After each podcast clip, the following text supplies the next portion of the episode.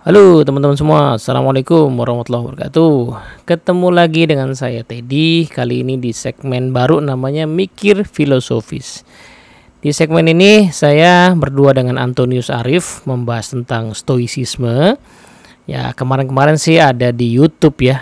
Nah kita coba sediakan juga di uh, podcast Supaya teman-teman bisa menikmati sambil jalan, sambil rebahan dan lain sebagainya Nah, kita uh, masih membedah buku judulnya Meditations dari Marcus Aurelius dan ini adalah video seri yang ke-6 ya untuk bedah buku Meditations.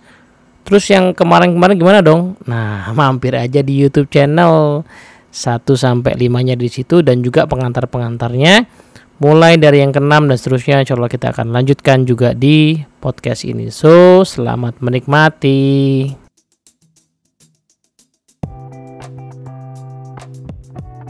Oke, selamat sore teman-teman semua. Assalamualaikum warahmatullahi wabarakatuh. Cik. Waalaikumsalam. Kan nanti gue mau masukin podcast juga nih. Yo, yo, yo. silakan semoga silakan, silakan, jadi, silakan. Jadi uh, harus gue buka dengan seperti tadi, ya kan. Nih gue udah sekarang udah punya beginian tuh, ya kan. Apa, apa itu? Mic ya? Oh. Wih, rode. Iya, biar, biar nyaingin Arif lah. Nah, itu menunjukkan. Oh, kalau gue masih pakai headset, men. Sorry, levelnya kita beda, men. Kita Oh, levelnya di kalau bawah. kalau orang sakti itu peralatannya nggak canggih. Kalau masih pemula tuh begini. Aduh, ini ini ini kalau dua orang NLP kayak begini kelakuan ini nggak nggak bener ini.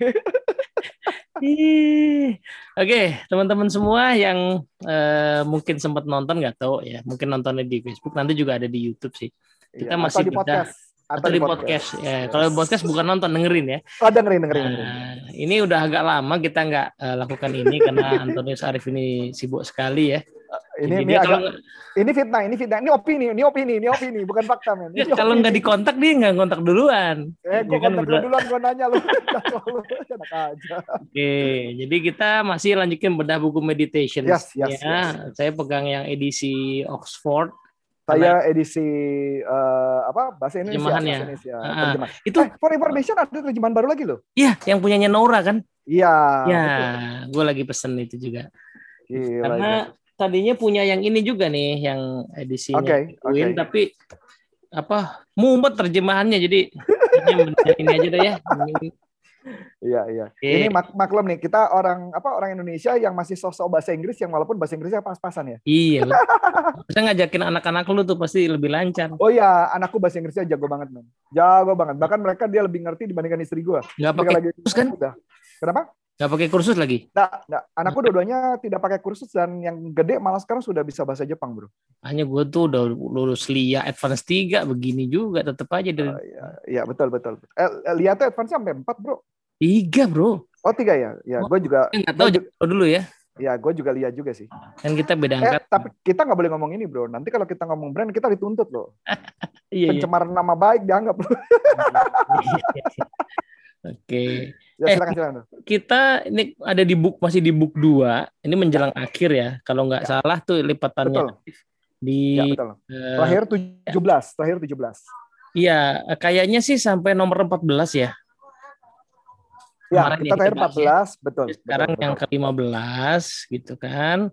Eh, kalau coba refleks sedikit mungkin apa review ya. Yang 14 Ya, tuh kita sampai pada bahasan tentang ya seberapa lama pun kita, kita hidup, hidup. ya. Eh, itu sebenarnya inti yang kita miliki cuman momen sekarang, ya kan ya. Betul. Nah, itu poinnya gitu ya. Jadi betul. tapi yang bawahnya nyambung ya, Bos. Ah, Kenapa? Yang bawahnya kan 14 eh 15 16 kan tuh sambungan dari yang itu juga soalnya kan. Betul betul. Eh, by the way, di Facebooknya lu posting di mana, bro? Kok nggak ada, bro? Di Nama lu nggak ada? Hah? Di Facebook lu nggak ada nih? Nama Masa lu nggak ada? apa belum ke Iya. live ya? Oh, udah live kok ini. Live tapi tapi kalau di Facebook lu nggak muncul sih, bro. Hmm. Bentar. Muncul kok. Jangan-jangan masa Ah, muncul ya? Kok di, Ah. ah, di gua nggak ada tuh. Wah, ini unik nih. ini with Antonius Arif juga loh padahal. Iya ya, tapi di Facebook lu gua buka nggak ada. Wah, harus diupdate tuh Facebook lu, Bos. ya mudah-mudahan ada orang yang nonton lah. Oke, nggak- lanjut lanjut lanjut. Kalau enggak ganti itu, ganti handphone. Gue pakai dua handphone nih, dua-duanya nggak ada. Iya iya iya di tempat gue sih ada. Jadi eh, Ya nggak apa-apa, nggak apa-apa. Yuk lanjut ya, nggak apa-apa. Ini kita masuk ke nomor 15 ya. 15 itu Ya, eh, 15. kalimatnya pendek sini. Gue bacain aja bahasa Inggrisnya ya. Nanti Ya. lu coba eh, lihat terjemahannya. Everything, Boleh. jadi ada tanda kutip di sini. Everything is what you suppose it to be. For the words that were addressed to the cynic Monimus. Jadi kutipan tadi itu kayaknya dari filsuf aliran s- apa ya. sinis, sinis. Monimus are clear enough and clear to the value of that saying if one accept its inner meaning so far as it is true. Jadi kayaknya ini nyambung ke yang 15 Sebelumnya. tadi, ya 15 tadi kan bicara soal mau seberapa panjang pun hidup kita, kita tuh tidak memiliki masa lalu, tidak memiliki masa depan, kita hanya memiliki detik bahkan momen yang kita miliki sekarang gitu ya. Nah, sehingga Betul.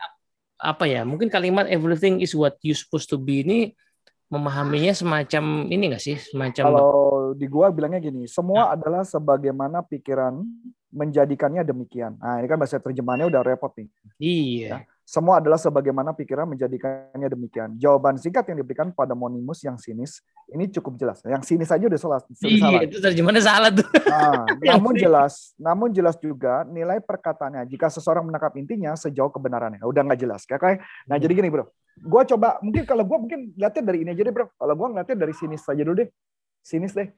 Eh, gue melihat aliran sinis ini adalah aliran yang menarik bro. Hmm, hmm. Jadi aliran eh, sinis ini adalah aliran yang menjadi salah satu virtue-nya di stoik sih sebenarnya kalau menurut gua. Mm-mm. Yang di mana salah satu yang dipakai adalah wisdom yang dipakai sama kita atau yang bisa dikatakan wisdom eh, virtue eh, virtue-nya tapi yang dipakai pilarnya adalah pilar eh, asen ya mengiyakan Ya. jangan sampai membuat opini.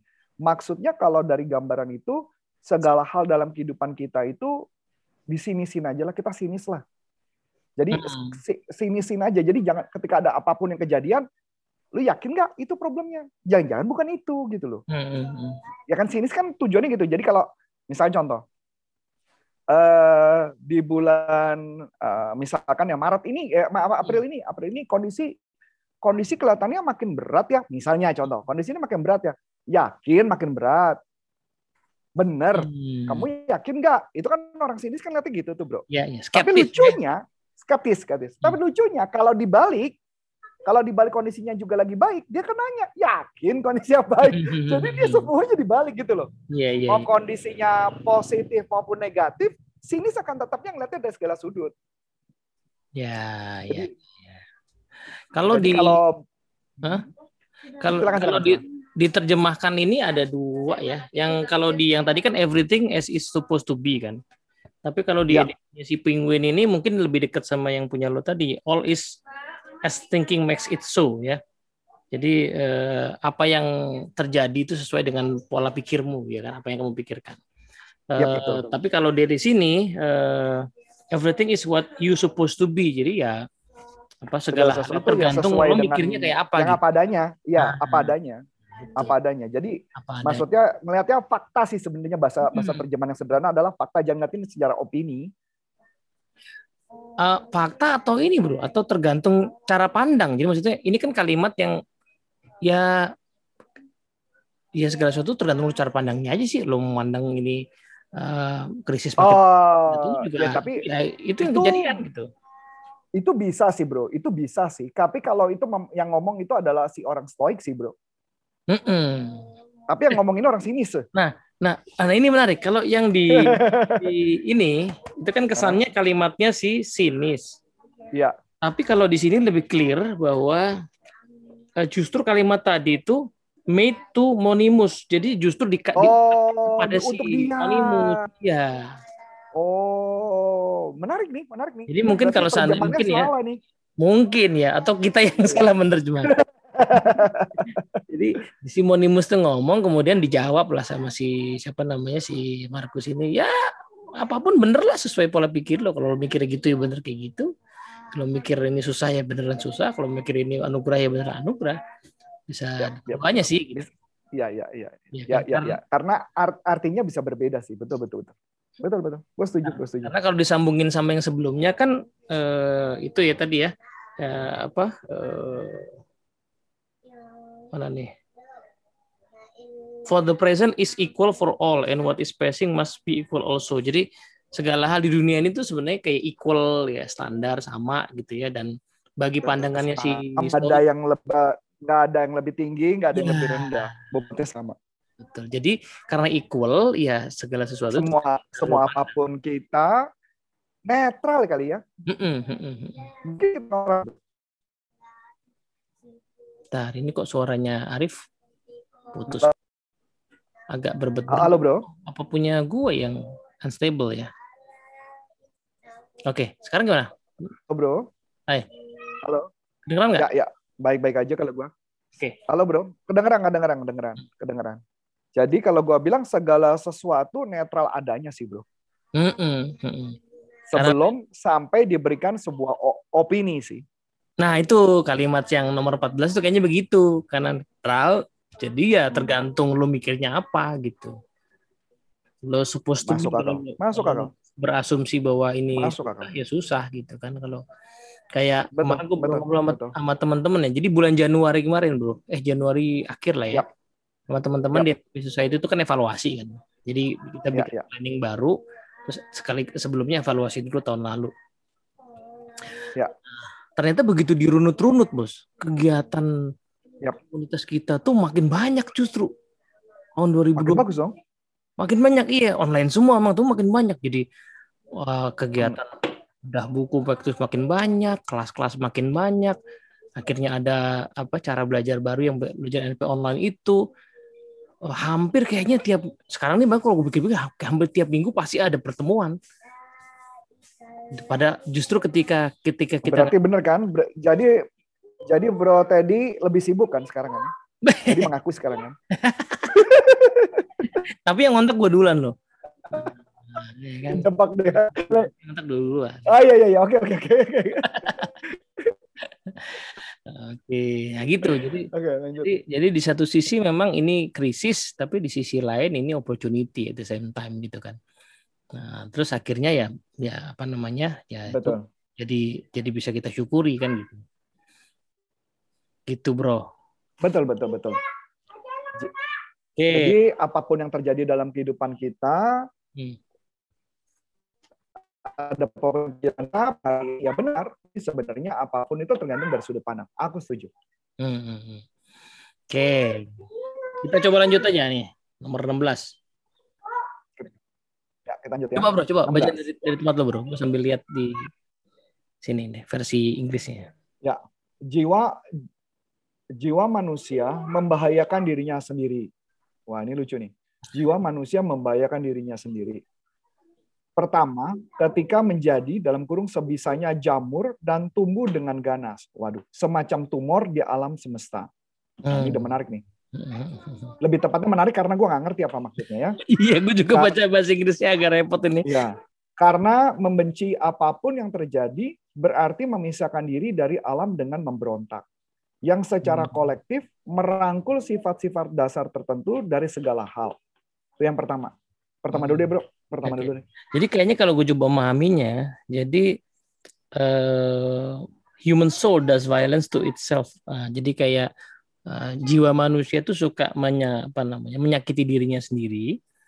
Nah, seperti halnya si itu tadi ya, seperti halnya uh, tumor. tumor atau jamur gitu ya di di apa namanya di alam semesta. Jadi uh, jiwa manusia dalam pandangan si Markus ini kayaknya punya kecenderungan untuk untuk menyakiti dirinya sendiri dengan menjadi karena di bawah-bawahnya nanti kan kalau salah ada ada poin-poin soal ini ya. Uh, ketika manusia menyakiti orang lain, ya berniat jahat pada orang lain itu kan. Nah, hal-hal itu tuh kayaknya dibuka di poin nomor 16 ini sebagai manusia itu suka melakukan hal-hal yang yang seolah-olah seperti jamur atau tumor di, di alam semesta gitu. Jadi melakukan hal-hal yang tapi sebenarnya dia tuh menyakiti dirinya sendiri dengan menjadi jamur itu. Gitu. Jadi dengan melakukan perilaku yang buruk dia menyakiti dirinya sendiri gitu loh. Wah ini kok. Ya masuk akal sih. Jadi kayak nyari gara-gara aja ya. Suka nyari gara-gara kan. Iya betul sih. Ini bener sih terjemahannya bikin gue mabuk sih. Karena karena membenci apa pun yang terjadi berarti memisahkan diri dari alam dengan memberontak. Berarti dia memisahkan diri dari alam. Iya. Memisahkan kita suka memisahkan. Berarti nggak nggak nature ya? Jadi kita nggak selaras kali ya bro? Ya, ketika melakukan hal-hal yang buruk, ini kan nanti di bawahnya ya, melakukan hal yang buruk, menyakiti orang segala macam itu, kita kayak melawan alam gitu. Akhirnya menjauhkan kita. Iya, tidak selaras. Nggak selaras. Gitu. Nggak selaras. Ya kalau dika dikaitin sama hukum law of nature-nya dia sih, iya. Ya.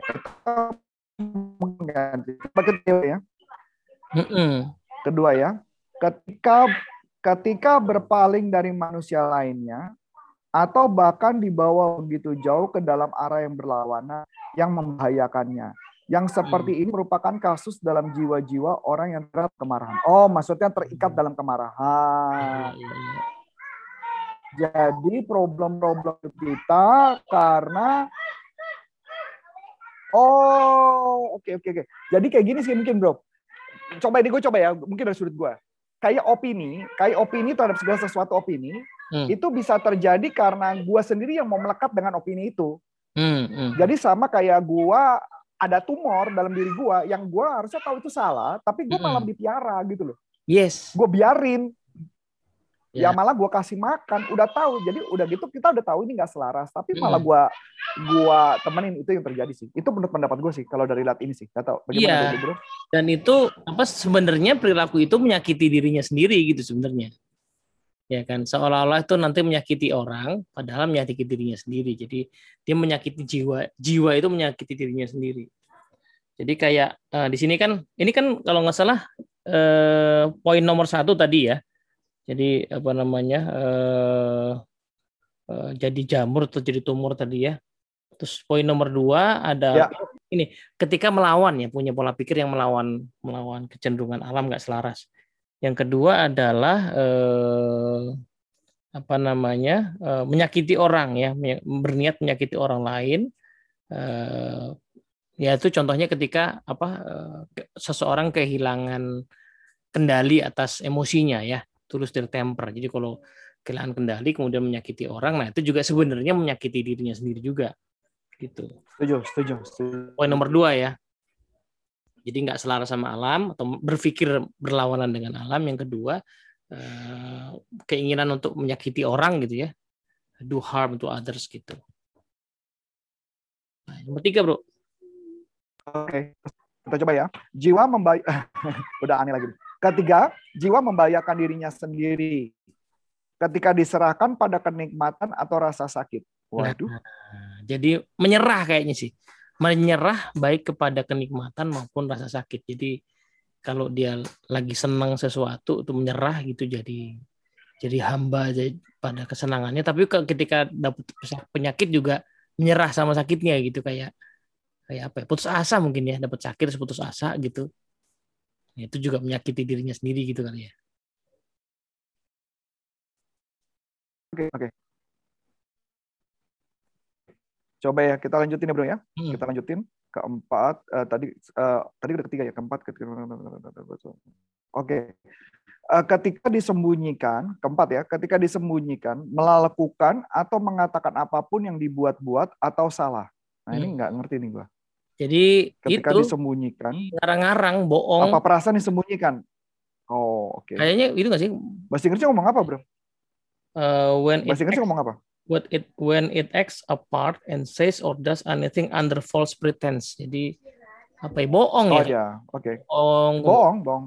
Penipuan gitu ya, melakukan penipuan. Atau pura-pura, bro. Pretend ya, itu kan pura-pura. Pura-pura gitu. Mem palsu lah gitu ya bertindak berkata-kata ya. palsu. Oke, kelima, ketika gagal mengarahkan tindakan atau gerakan batinnya sendiri ke sebuah tujuan dan bertindak serampangan hmm. tanpa perhatian sadar, padahal tindakan paling sepele sekalipun harus dilakukan dengan tujuan. Hmm. Dan tujuan akhir bagi makhluk rasional adalah mengikuti akal dan peraturan pola dasar pengaturan yang paling terhormat yaitu semesta berarti nature lagi kan. Jadi artinya nggak selaras lah bro kalau dari kalimat ya. ini nggak selaras sama alam lah. Nomor lima ini ini apa? Uh, ini kan tadi nomor 16 eh, poinnya kan itu ya. Or uh, human soul does violence. Jadi sebenarnya perilaku orang itu suka menyakiti diri sendiri. Tadi ada beberapa poin. Nah poin kelima ini kan ngomongin soal ketika dia nggak berhasil mengarahkan tindakannya kepada hal-hal yang baik gitu jadi jadi harusnya kan tindakan kita diarahkan ke hal-hal yang baik nah dia tidak melakukan itu ya nah sehingga bertindak serampangan nah padahal padahal harusnya tindakan sekecil apa pun itu harus jelas tujuannya gitu ya eh, dan tujuan yang paling utama adalah dari sebuah tindakan itu adalah eh, apa namanya tindakan yang bermanfaat bagi cities and constitution, jadi bagi masyarakat banyak, bagi aturan-aturan bersama gitu kan. Gitu. Gue nah, coba lagi mengkonekkan dengan stoik sih bro. Jadi karena hmm. Menurut gue ini ini nature yang uh, dari bagian yang mana ya? Jadi apakah uh, ya ini pasti ada permainan tentang opini sih, udah pasti ada. Udah pasti ada berkaitan dengan action itu juga pasti ada. Ya enggak ada juga berkaitan dengan menahan emosi ya kan betul ya? Hmm, bagaimana self controlnya nomor self berapa tadi nomor jangan gampang marah kan intinya jangan nomor gampang dua marah. tadi temper nomor dua. Iya iya jadi ada self controlnya di sana dan iya jadi harus selaras dengan alam harus bisa mampu melakukan self control hmm. jangan cepat memberikan opini kan gitu istilahnya kan ya bisa gue bilang gitu kan yeah. memberikan opini dan sebagainya dan itu yang membuat kita hidup menjadi jauh lebih baik itu maksudnya gitu kan iya yeah. jadi summary-nya mungkin lima poin kan jadi eh, yeah. namanya orang itu bisa menyakiti dirinya satu dia apa hidup gak selaras kan sama alam kedua eh, menyakiti orang gitu ya kehilangan kendali menyakiti orang yang ketiga adalah apa namanya menyerah ya pada rasa kesenangan maupun rasa sakit gitu ya menyerah Kemudian yang keempat eh, tadi ya bertindak palsu gitu ya. Bertindak atau berkata-kata yang palsu. Yang kelima eh, tidak mengarahkan eh, tindakannya. Itu virtunya ya. Virtunya justice. Mm -mm, tidak justice berarti. Yes, tidak mengarahkan dirinya ke tindakan yang baik gitu. Padahal harusnya seluruh tindakan ya di summary bagian akhir tuh bos. Harusnya seluruh ya, tindakan ya. kita itu diarahkan ke hal yang baik. Apa itu hal yang baik ya? Itu ya, betul, betul masyarakat bagi orang banyak. Gitu. Betul, betul, betul. Ya berarti yang dibicarakan ini adalah wisdom, justice, courage, dan temperance. Semua digomongin sama dia. Luar biasa. Sakti lah si Arif ini. Apal banget tuh. Gue aja kagak apal tuh. Uh, bukan, bukan apal. Ini itu maksudnya kita, aku coba, karena kalimat itu kan terlalu luas. Yes, yes, yes. yes. Chang'am terlalu tinggi bro. Ketika Chang'amnya terlalu tinggi, orang yang denger kita juga mabok bro. yo yo yo. Iya enggak? Itu yang aku ngerasain sih. Oke, kita masih 17 ya bro? Ya 17. Kita masuk 17 biar, ya. biar tuntas buku dua lah. Masa udah berbulan-bulan kita nggak tuntas buku dua kan? Ya. lah, bulan lagi, aduh, bikin malu ini. Ya. Lanjut ya, gue coba ya bro. Mudah-mudahan okay, 17 okay. jauh lebih jelas manusia hidup di dunia hanya sesaat. Nah, ini clear. Hmm. Keberadaannya adalah aliran. Nah, keberadaannya adalah aliran. Nah, ini nggak jelas di situ tulisannya.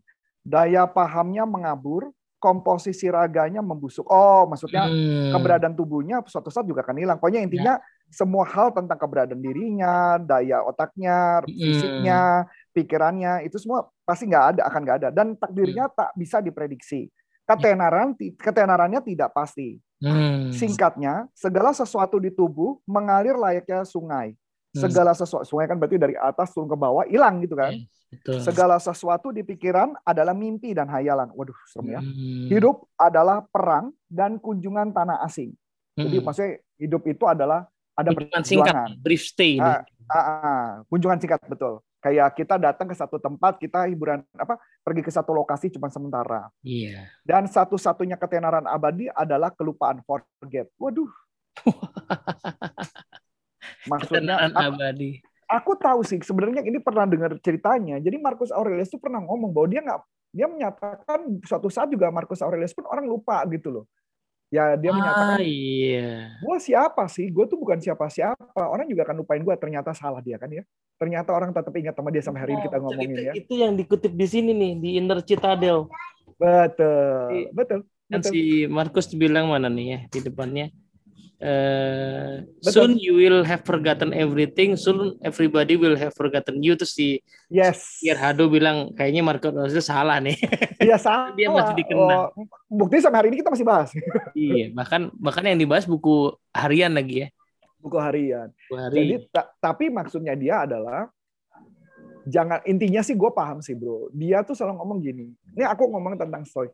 Hmm. Jadi stoik itu buat apa sih lo nimbun gitu loh? Buat ya. apa ya. lo mencari kekayaan? Buat apa lo melakukan itu semua? Kalau lo dikasih kaya, ya kaya, kaya Seneca.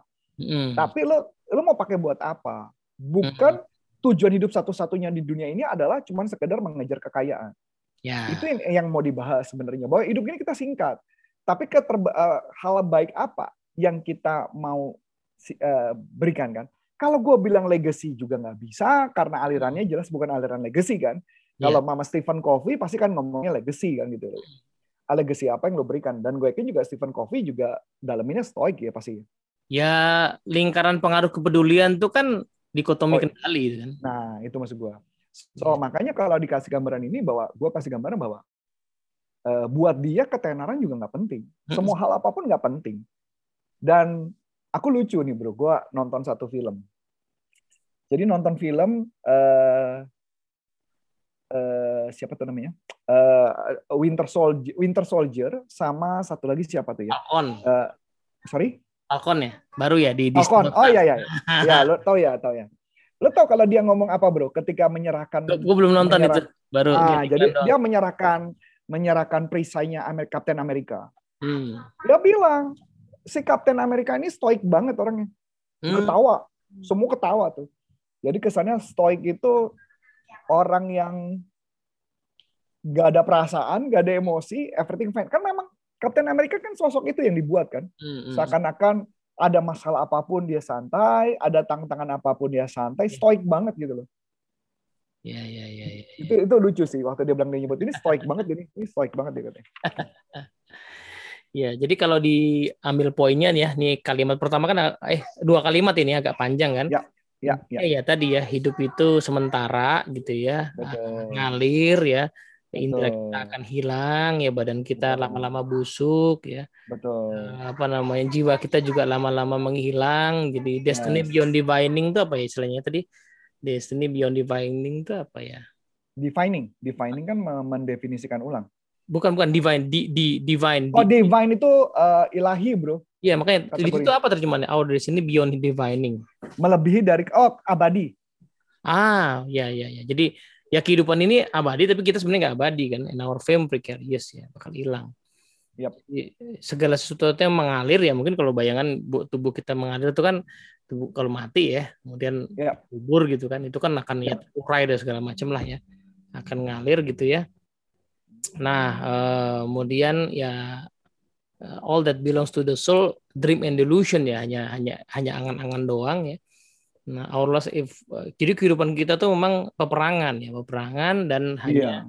hanya stay di di di foreign line. Jadi kayak kalau orang mungkin jauh, kalau bilang peperangan nggak bisa dibilang peperangan sih bro, karena ini yang ngomong konteksnya kan Marcus Aurelius ya. Iya, perjuangan kali ya. Perjuangan. Perjuangan. Kalau kalau gue setujunya adalah perjuangan karena hidup itu adalah sesuatu yang perlu di, kita lakukan. Ya. Ada we must do something. Kita nggak bisa cuma diem doang nggak bisa. Iya. Ya tadi. Nah, jadi kalau orang kalau orang-orang yang hidupnya sekarang diem-diem saja berarti dia nggak stoik tuh. jadi kan kita kayak brief stay in a, in a foreign land jadi kayak cuman hidup sementara di sebuah tanah yes. yang itu kayak yes, yes. orang Jawa bilang urip mampir ngombe itu jadi hidup tuh kayak ya, ya, ya. mampir buat cuman mampir minum sebentar aus atau ya, istirahat ya, ya. kemudian jalan lagi kan gitu. Gua setuju, gua setuju. Jadi artinya dalam kondisi pandemik kita jangan diem saja. Wah iya betul harus banyak yang dikerjain itu. Iya harus ada yang dikerjain walaupun nggak tahu apa yang dikerjain menghasilkan apa enggak. Yang ya, penting lakukan bikin aja. aja ya. Bikin aja. bikin, bikin begini kan. Ini gara-gara pandemi nih. Iya. Pandemi nggak. nggak ada pandemi juga nggak mungkin gue punya waktu apa? Nggak mungkin gue bisa ketemu Teddy yang sibuk yang tadi jadwalnya udah sangat padat ya.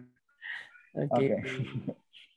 Okay. Yuk lanjut ya. Lanjut nih. Eh, lalu apa yang lalu apa yang bisa mendampingi hidup kita? Wah ini menarik. Satu hal dan hanya satu-satunya filsafat. Wah, ya. Di dalamnya termasuk menjaga ketuhanan di dalam diri kita.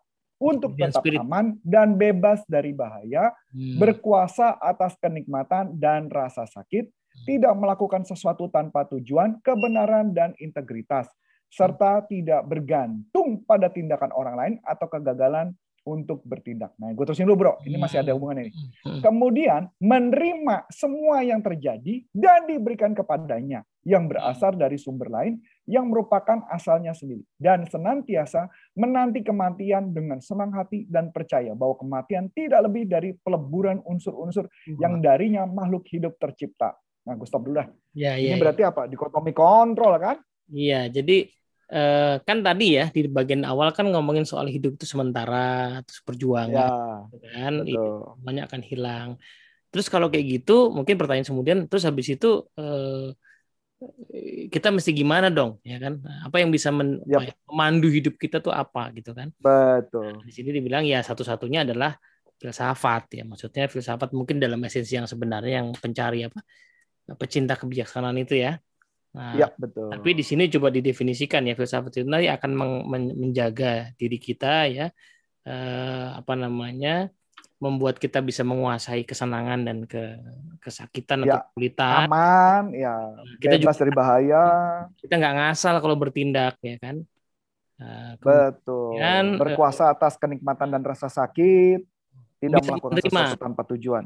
bisa menerima apa Ya, yang betul. terjadi gitu kan Eh, dan dan memahami bahwa segala sesuatu itu ya apa ini menarik ya eh, issuing from the source from Pakai tujuan. to to to, to its origin itu apa ya kayak meyakini bahwa segala sesuatu tuh ada sumbernya ada yang ngatur gitu kan sih gitu nggak maksudnya Sumber oh ya source of origin ya berarti artinya betul. iya kan kayak kayak memahami bahwa segala sesuatu tuh ada yang mengatur dan kemudian akhirnya me, ini menerima menjalani hidup apa menunggu kematian dengan senang hati ya dengan dengan sukacita ya Ya, betul betul, betul. Bahwa makanya kemarin kan ada yang ngomong gini ya. Jadi kalau ditanya, eh, kemarin kan di grup Stoik Indonesia kan ditanya, Hmm. eh, kesehatan apakah bisa dikontrol? Saya jawab enggak. Karena kesehatan memang tidak bisa dikontrol, tapi pola menjaga kesehatan, berolahraga, makan vitamin, suplemen dan sebagainya itu Hmm. bagian upaya kita untuk jadi sehat. Tapi apakah bisa jadi umur panjang? Ya alam ya. Artinya i- bisa ya bisa enggak. Itu yang penting kita we must do something dibandingkan kita nggak melakukan apa-apa. yes yes yes betul Dibandingkan tidak melakukan apa-apa. Ya bukan berarti kalau buktinya kan kita lihat ada orang yang olahraga besoknya meninggal juga ada kan. Tapi Nah. bukan berarti kita nggak berusaha. Paling Nah. nggak kita we must do something gitu.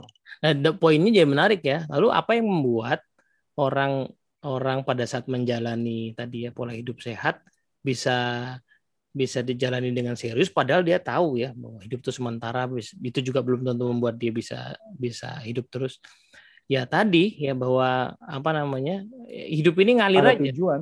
Ngalir ya kan ngalir kemudian dia punya punya tujuan baik tadi pengen berbuat baik buat bermanfaat buat buat dirinya buat masyarakatnya eh jadi mati nggak mati itu dia tunggu dengan sukacita ya sambil menjalani usaha-usahanya Iya, iya, iya. Gua gua gini sih bro. Ini ini Antonius Arif yang yang bisa gua katakan mungkin dua tahun inilah, dua tiga tahun inilah bro. Hmm, hmm, Jadi sorry ya, mungkin no offense buat teman-teman yang mungkin eh, dengar atau nonton film eh, nonton ini. hmm, Eh, ini cuma sudut pandang saya. Bisa jadi artinya ini pendapat saya, ini opini saya, opini saya. Jadi kayak gini bro. Ketika misalkan gua ambil contoh, kita eh, gua ngelihat tubuh kita tuh kayak vessel gitu. Tubuh kita kayak kendaraan. Jiwa kita itu atau spirit kita, roh kita itu kita punya tujuan. Kalau Hmm. saya nggak menjaga vessel saya, saya nggak menjaga ah, tubuh saya, maka pertanyaannya apakah tujuan saya akan tercapai? Ya tidak. hmm. Ya, ya, ya, tapi paling nggak saya berusaha. Jadi kadang-kadang makanya tadi kenapa aku bilang itu karena ada orang yang menyatakan eh, saya happy kok dengan kondisi saya begini. Oh iya silakan. Tapi buat saya apakah benar kamu bisa mencapai tujuanmu hmm. dengan cara kayak gitu?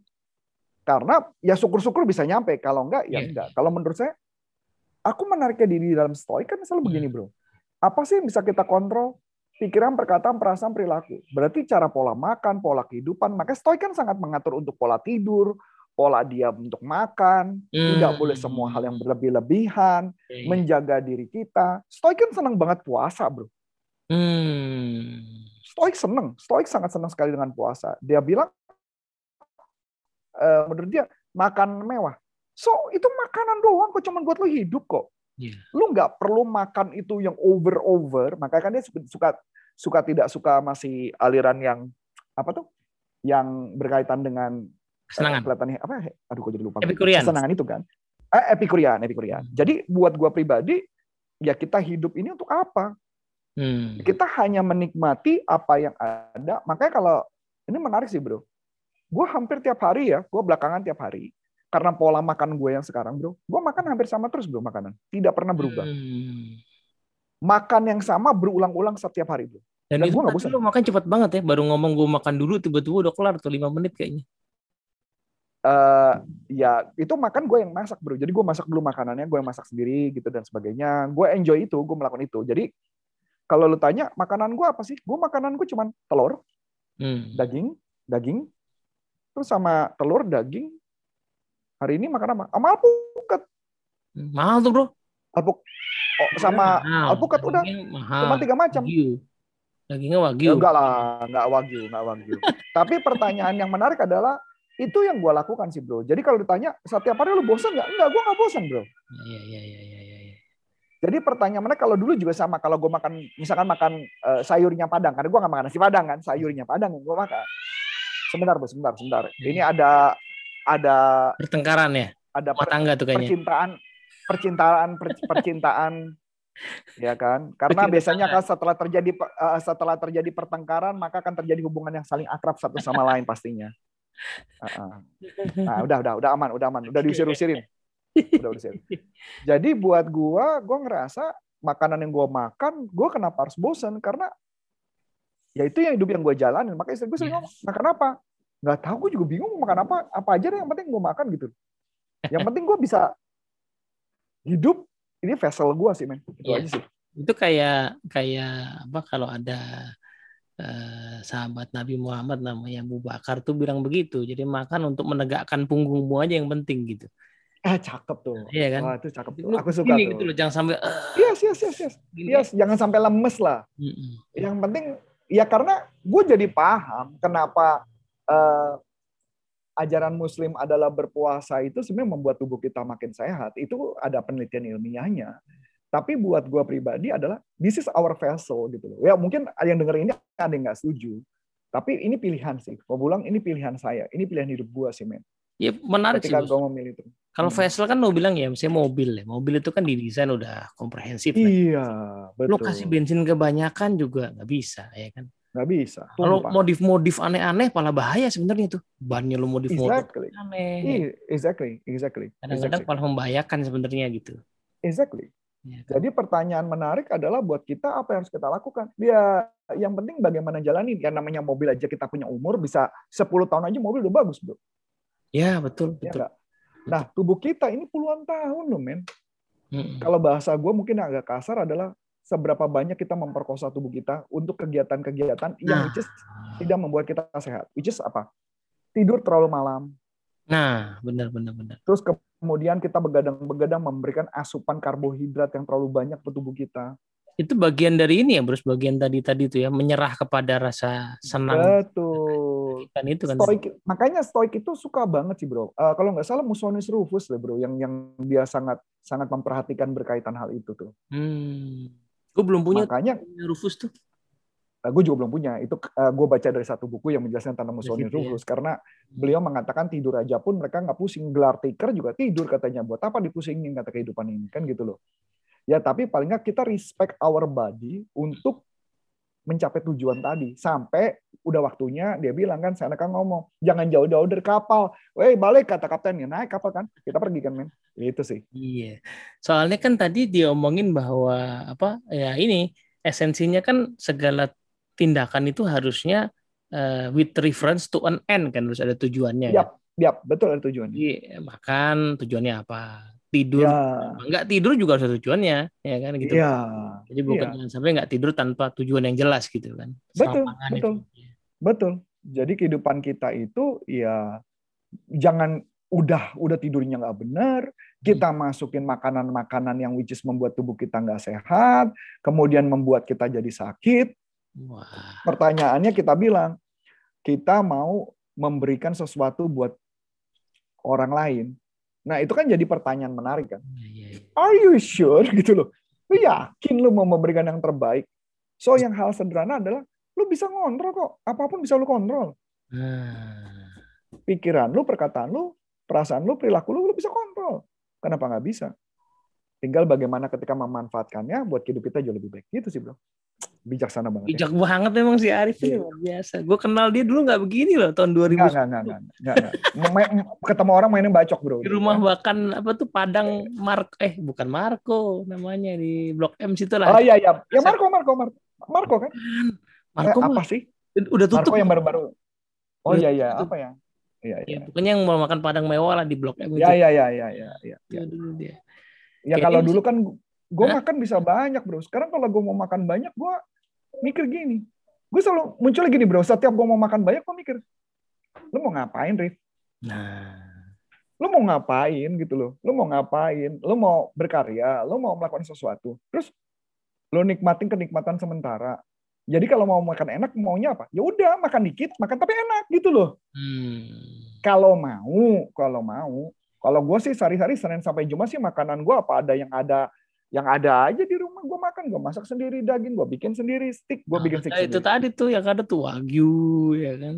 nggak ada nah, nah gue nggak makan lagi gue nggak makan lagi gue makannya yang biasa aja daging terus gue masak sendiri gitu kan. Ya terus kemudian gue kasih telur. Gue cuma makan itu aja. Terus alpukat gue makan. Udah. Hmm. jadi daripada gue pusing kalau mama gue lagi keluar gue lihat aja padang. Ada padang nih cari kikil udah selesai Ya ya ya. Nggak gue makan kikil, tapi gue nggak masukin karbo. Yang penting gue bisa hidup selesai. Kenapa? Kalau gue makan kikil, perut gue kenyangnya lama, bro. Hmm, gitu. Oh, lo kasih sayur, perut lo laparnya cepat. Kerucukan. Oh, gitu. Yo, ya. Iya dong, gue menjaga diri gue kan. Hmm. Lanjut ya. Ya. Sekarang, sekarang Kalimat jika, terakhir lagi. Eh, belum, Ya. dua kalimat terakhir nih. Sekarang jika tidak ada yang menakutkan bagi unsur-unsur itu sendiri Hmm. dalam perubahan konstannya menjadi satu sama lain. Mengapa seseorang harus cemas? Nah, ini asik nih. Nah, Memandang perubahan dan peleburan semua yang akan datang. Jadi maksudnya gak usah takut kalau mati, udah gitu kan. Ya. betul. Ini selaras dengan alam dan tidak ada yang bahaya yang selaras dengan alam. Hmm. Asik. Jadi ini simpulannya ya. Hmm. Jadi sesudah melihat tadi ya segala elemen tadi, Ya, apa namanya hidup kita tuh hanya sesaat, tubuh kita sesaat nanti juga melebur. kan terus kenapa mesti takut sama perubahan dan apa ya hilangnya kita ya hilangnya kita Iya. takut. Kenapa harus ditakutin? Jadi gue jadi sempat kepikiran kemarin, oh enggak waktu itu beberapa waktu yang lalu sih ya. Hmm. Jadi gue mikir, lah kalau mati juga dibakar terus kenapa pusing? Hmm, iya. Soalnya kan ini kan dibilang ya semua hal tadi kan selaras dengan alam dan tidak ada yang Iya, buruk dengan hidup selaras. iya, iya. Kalau dulu awalnya mikirnya enggak deh, kalau mati harus kubur. Iya, tuh menarik sih ya. Gue kemarin kan eh, apa namanya yang live sama temen mungkin lo kenal ya Hengki Yuliansyah itu ya. Nah itu asal muasalnya itu gara-gara kita ngobrol soal politik lah gitu ya. Terus dia bilang, gue gue kepikiran, gue menurut gue sih satu-satunya syarat untuk jadi politisi yang baik itu harinya dia harus tidak takut mati sih.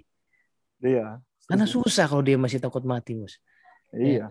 karena ntar begitu kepilih terus yang mendukung nggak terima terus akhirnya diikutin kan takut kan Iya, baper, baper, baper. Iya kan jadi jadi dia harus sangat berani gitu nah itu yang challenging tuh gimana caranya memproduksi orang-orang kayak gitu untuk menjadi Ya, ini ini ada cerita sih. Gua nggak tahu, mungkin lu juga tahu sih bro katanya kan.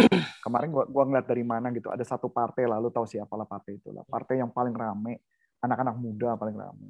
Kan partai itu katanya kan masuk di salah satu DPRD ya, Hmm, hmm. DPRD. Itu juga menarik kan. Jadi kelihatannya begitu ada budget yang mau dinaikkan Hmm. buat mereka, mereka semua diem kan. Uh. aman Jadi aman oke oke gitu ya Eh, ya oke oke oke oke gitu ya. Yang penting kita sama-sama. Oke ya setuju ya. Setuju. Nah itu itu itu denger gosipnya kayak gitu loh. Jadi buat gua pribadi bener sih gue setuju sama lu. Di mana dia bisa nggak mempertahankan idealis. Kadang-kadang kesulitannya mereka adalah uh, coba kalau kita perhatikan, galaknya itu cuma di awal, makin lama makin lama kelihatannya sudah Nah, itu. We are equal, men. Katanya enggak, kita apa? Uh, kita netral, netral, netral. Gila, takut mati. Ya kan, takut Iya. mati. Termasuk mati itu definisinya luas ya. Termasuk misalnya takut difitnah, takut Iya, kompromi lah, gue sih ngeliatnya kompromi. Banyak hal yang dikompromikan.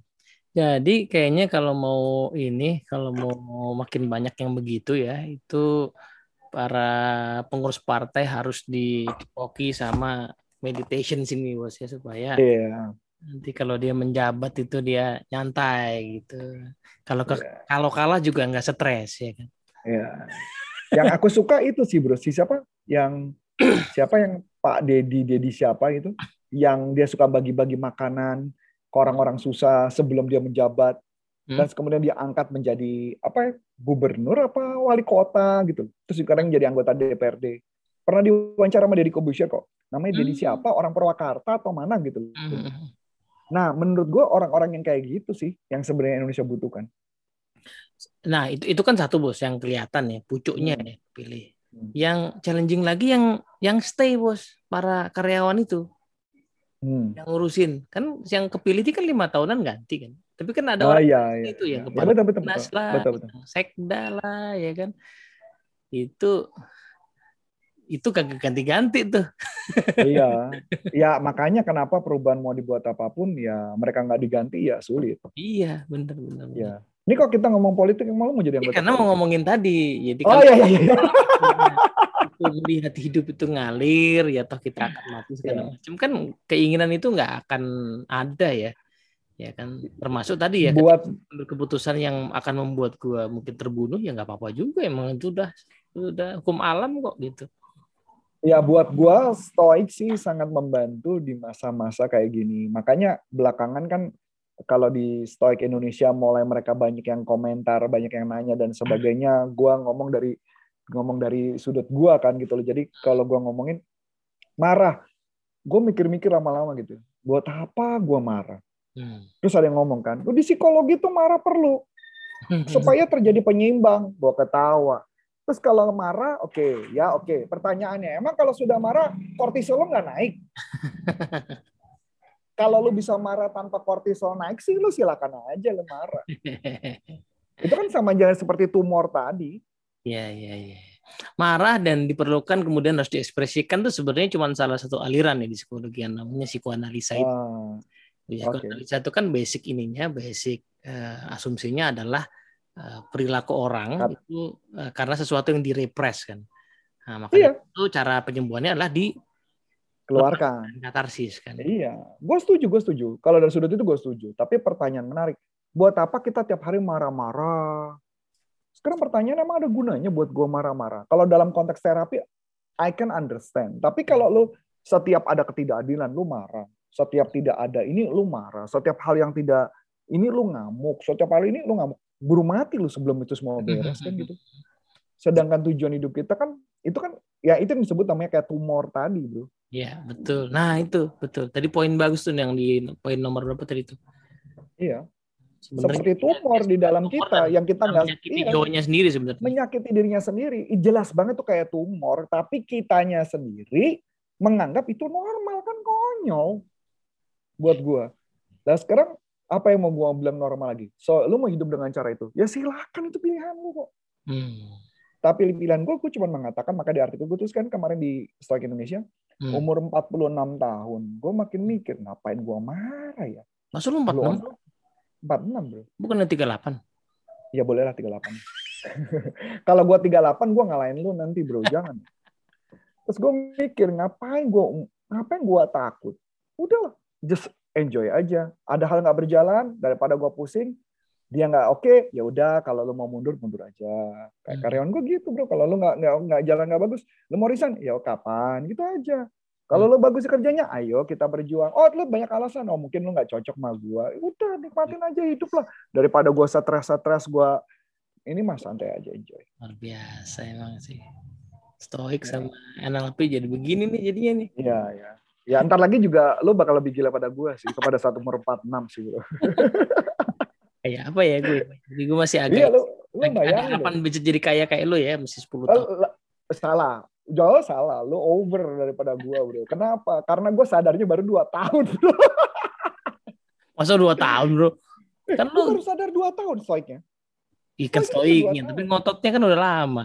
Oh, kalau ngototnya memang betul. Kalau ngotot itu memang dari lahir sih. Gue udah ngotot. Iya, makanya. Lu kan ngotot, cuman direm dikit sama stoicisme. Ya, se- eh, tepatnya sekarang eh, gua gua masih punya ambisi ada. Iya. Tapi kalau lu tanya ambisi gua, gua bener-bener memperhitungkan banget sih, Bro. Nah itu. Jadi kayak memperhitungkan memperhitungkan ini mau gue jalanin apa enggak. Terus Nah. kalau gua bilang ini ada resikonya nggak? Makanya gua ngomong sama si partner gua kan, coach Andi. Dit, lo rem gua ya. Kalau gua kelihatannya sudah memakai nafsu gua untuk Hmm. melakukan sesuatu, lo rem gua. Dia bilang, oke. Gue curiga oke-nya dia adalah dia nggak ngerem gue. gue curiga aja gitu. Dia melihat lu yang seharusnya adalah ngegas Iya, dia melihat gue seterusnya begitu, bro. Jadi makanya pelajaran penting buat gue stoik itu gitu, bro. Makanya kalau ditanya, hubungan gue sama pasangan berantem makin kurang sih, bro. Iya, kayaknya gua Durasi, durasi pertengkaran lu kurang. itu lebih lebih harmonis lah gitu. Iya, uh, ribut-ributnya juga udah makin kurang. Jadi kalau orang di rumah katanya berantem sama pasangan, gue justru gue inget kayaknya uh, lebih banyak berantem mungkin 6-7 tahun yang lalu dibandingkan sekarang. Padahal dulu jarang ketemu, yang sekarang yang sering ketemu malah baik-baik aja. Karena lebih ini, Terus Bro. sering ketemu tuh mungkin juga apa ya? Sisi-sisi lain tuh makin banyak kelihatan. Ya. Uh, mungkin bukan itu. Sebenarnya sisi itu gue udah lihat sih bro. Oh Sisi gitu ya. itu udah gue lihat. Sisi itu udah gue lihat. Cuman hanya gue lebih memutuskan untuk tidak melakukan itu. Satu. Yang kedua, hubungan gue sama anak-anak gue juga makin bagus sih bro. Jadi hubungan gue sama anak gue, gue cuma mikir gini, eh gue mau jadiin apa nih? Gue mau ke mana nih? Kayak kemarin gitu ya. Jadi anak gue yang kecil, ini berantem sama temennya. Hmm. Berantem. Jadi berantem musuhan. Istri gue yang ngomong, Wah dia musuhan. Emaknya nelfon kita katanya gitu kan. Sampai begitu ya. Mungkin ini gara-gara, yo eh men, katanya mungkin gara-gara cewek katanya. Eh gara-gara cowok. Oh. Gara-gara oke. cowok. Karena anak gue yang kecil kan cewek gitu ya. Remaja. Ini masuk di Terus, rekaman loh, bro. Nanti anak lu nonton. Ngapa? Ngapa? Nggak mungkin nonton ya. Eh, tapi sebagai informasi ya, anak gue itu juga du- dulu ya, dulu itu gue kasih stoik sih bro. Jadi kita ngebahas satu, Iya, yang terus kita bahas itu kan. stoiknya. Epictetus ya? Ah, ah, ah. Yes, yes. Sekarang kalau sekarang nggak. Sekarang gue lagi masukin unsur agama, bro. Jadi Hmm. gue membaca satu ayat bab tertentu, kita bahas. Wih. Ini maksudnya kalau eh, Yesus tuh kenapa ngomong ini? Tujuannya ke mana? Iya, iya, Ya iya. ini kan gara-gara lu sama gue diskusi ini, bro. Karena diskusi ini kan gue jadi mulai muncul ide. Iya, kenapa gue nggak melakukan itu pada anak gue? Dan akhirnya si Jenis ini sekarang eh, kemarin istri gue ngomong, Pak, dia berhasil loh, Pak. Dia bayan loh langsung. Hmm. Bayan. Padahal tadi udah ngeblok loh. Ngeblok WA segala udah diblok sama dia loh. Hmm. Jadi dibuka. Berarti hubungannya mulai baik. Terus Oke. dulu ngam- ngambekan mulu. Waduh, kalau dulu ngambek bro, ampun-ampunan gue. Nah, sekarang udah jauh lebih baik. Anak gue yang gede, ternyata gue juga baru nge. Anak gue ini pinter banget bro. Saking pinternya, dia suka menggunakan kekuatan pikirnya gila-gilaan. Hmm. Saking gila-gilaannya, saking gila-gilaannya, dia suka memaksa dirinya sampai akhirnya kepalanya pusing bro. Hmm. Bahkan pernah gue nemuin dia sampai mimisan bro. Uh. Ini serius bro. Jadi sampai satu ketika, gue baru nanya ke mana? Waktu ketika gue membaca satu ayat kitab suci bro. Kita Hmm. baca bareng-bareng. Yuk coba Matthew apa? Dia diem kayak orang trans. Anak gue kalau trans begitu bro. Dia diem trans masuk ke dalam gitu loh. Dipanggil-panggil nggak nengok tuh. Hmm. Wah ini trans sih, ini trans nih. Bapaknya nggak bisa kayak gitu, anak gue bisa nih kan. nah ternyata apa yang terjadi? Dia bilang, kenapa? Terus dia kayak na- narik napas dalam gitu. Terus gue tanya kenapa? Palaku pusing. Loh kenapa pusing gue tanya? Mikirin tadi papa suruh refleksi. Gue langsung ketawa. Gue bilang, Dipikir ya bener. ampun. Dia tuh dipikir kayak rumus matematika fisika yang mesti ya. Ah, ah. Dan akhirnya gue bilang, ini ini yang menarik yang gue ngomong. Eh, ini salahnya kita. Ini salahnya kita. Kesalahan kita adalah kita suka menggunakan kekuatan kita sebagai manusia dibandingkan ketika kita membaca ayat kitab suci. Kenapa nggak kita minta si pemberinya yang memberikan inspirasi buat diri kita? Nah, itu bener tuh. Bener. Kenapa nggak biar, biarkan saja jalan hidupmu? Aku bilang gitu ke Matthew. Hmm. Jalan hidupmu, kamu yang yang ngatur siapa? Dia yang ngatur. Kamu Hmm. berdoa, Tuhan bimbing aku Iya, iya, iya. iya. perjalanannya. Jangan gini, gue jalan dulu, Udah gagal baru doa, doa Tuhan, gue mau kaya, gue minta jalan. Salah. Yang hari ini gue pelajarin bro adalah ketika gue melakukan, gue cuma bilang Tuhan, bimbing gue dong, gue harus gimana nih? Nah, Nah, baru baru gue jalan nih bro, baru gue jalan. ya, ya. Kalau dulu enggak, itu poin Dulu apa? menarik Gus. Jadi waktu waktu gua gua kan belakangan banyak itu ya langganan tuh nontonin ceramahnya Ustadz Nu'man namanya tuh orang Amerika. Nah dia dia yang membukakan mata gua bahwa gini, ya kayak poin tadi tuh. Gue dulu tuh takut Gus, baca Quran tuh cuman ba- berani ngaji Arabnya aja. Ya. Karena kalau baca terjemahannya suka dibilang bahwa terlalu salah paham, terjemahan itu suka suka nggak akurat gitu kan. iya, iya sama kayak kita yang sekarang ini kan belajar Ah, betul. filsafat. Iya bener. Nah, tapi si Ustadz tuh bilang, eh, ya nggak apa-apa kan lo sanggupnya baru baca terjemahan nih. Lo minta tolong aja. Dan kalau ini beneran mukjizat, kan pasti seburuk apa pun terjemahan ya, lo pasti akan dapat sesuatu gitu kan. Betul. Karena ini tujuannya buat seluruh Betul. ya gitu. Jadi, nah, oh iya juga ya. Maksud gue, kenapa gue nggak memperlakukan ini sebagai sebuah petunjuk gitu kan? Ya ini sanggupnya seberapa pahamnya, lalu ya ditolonglah, entah gimana lah nanti gue paham gitu kan. Gitu. Nah itu itu itu cara pandang ya Nah, kalau itulah makanya gue bilang, pandang ya. oh thank you banget sama filsafat. Iya.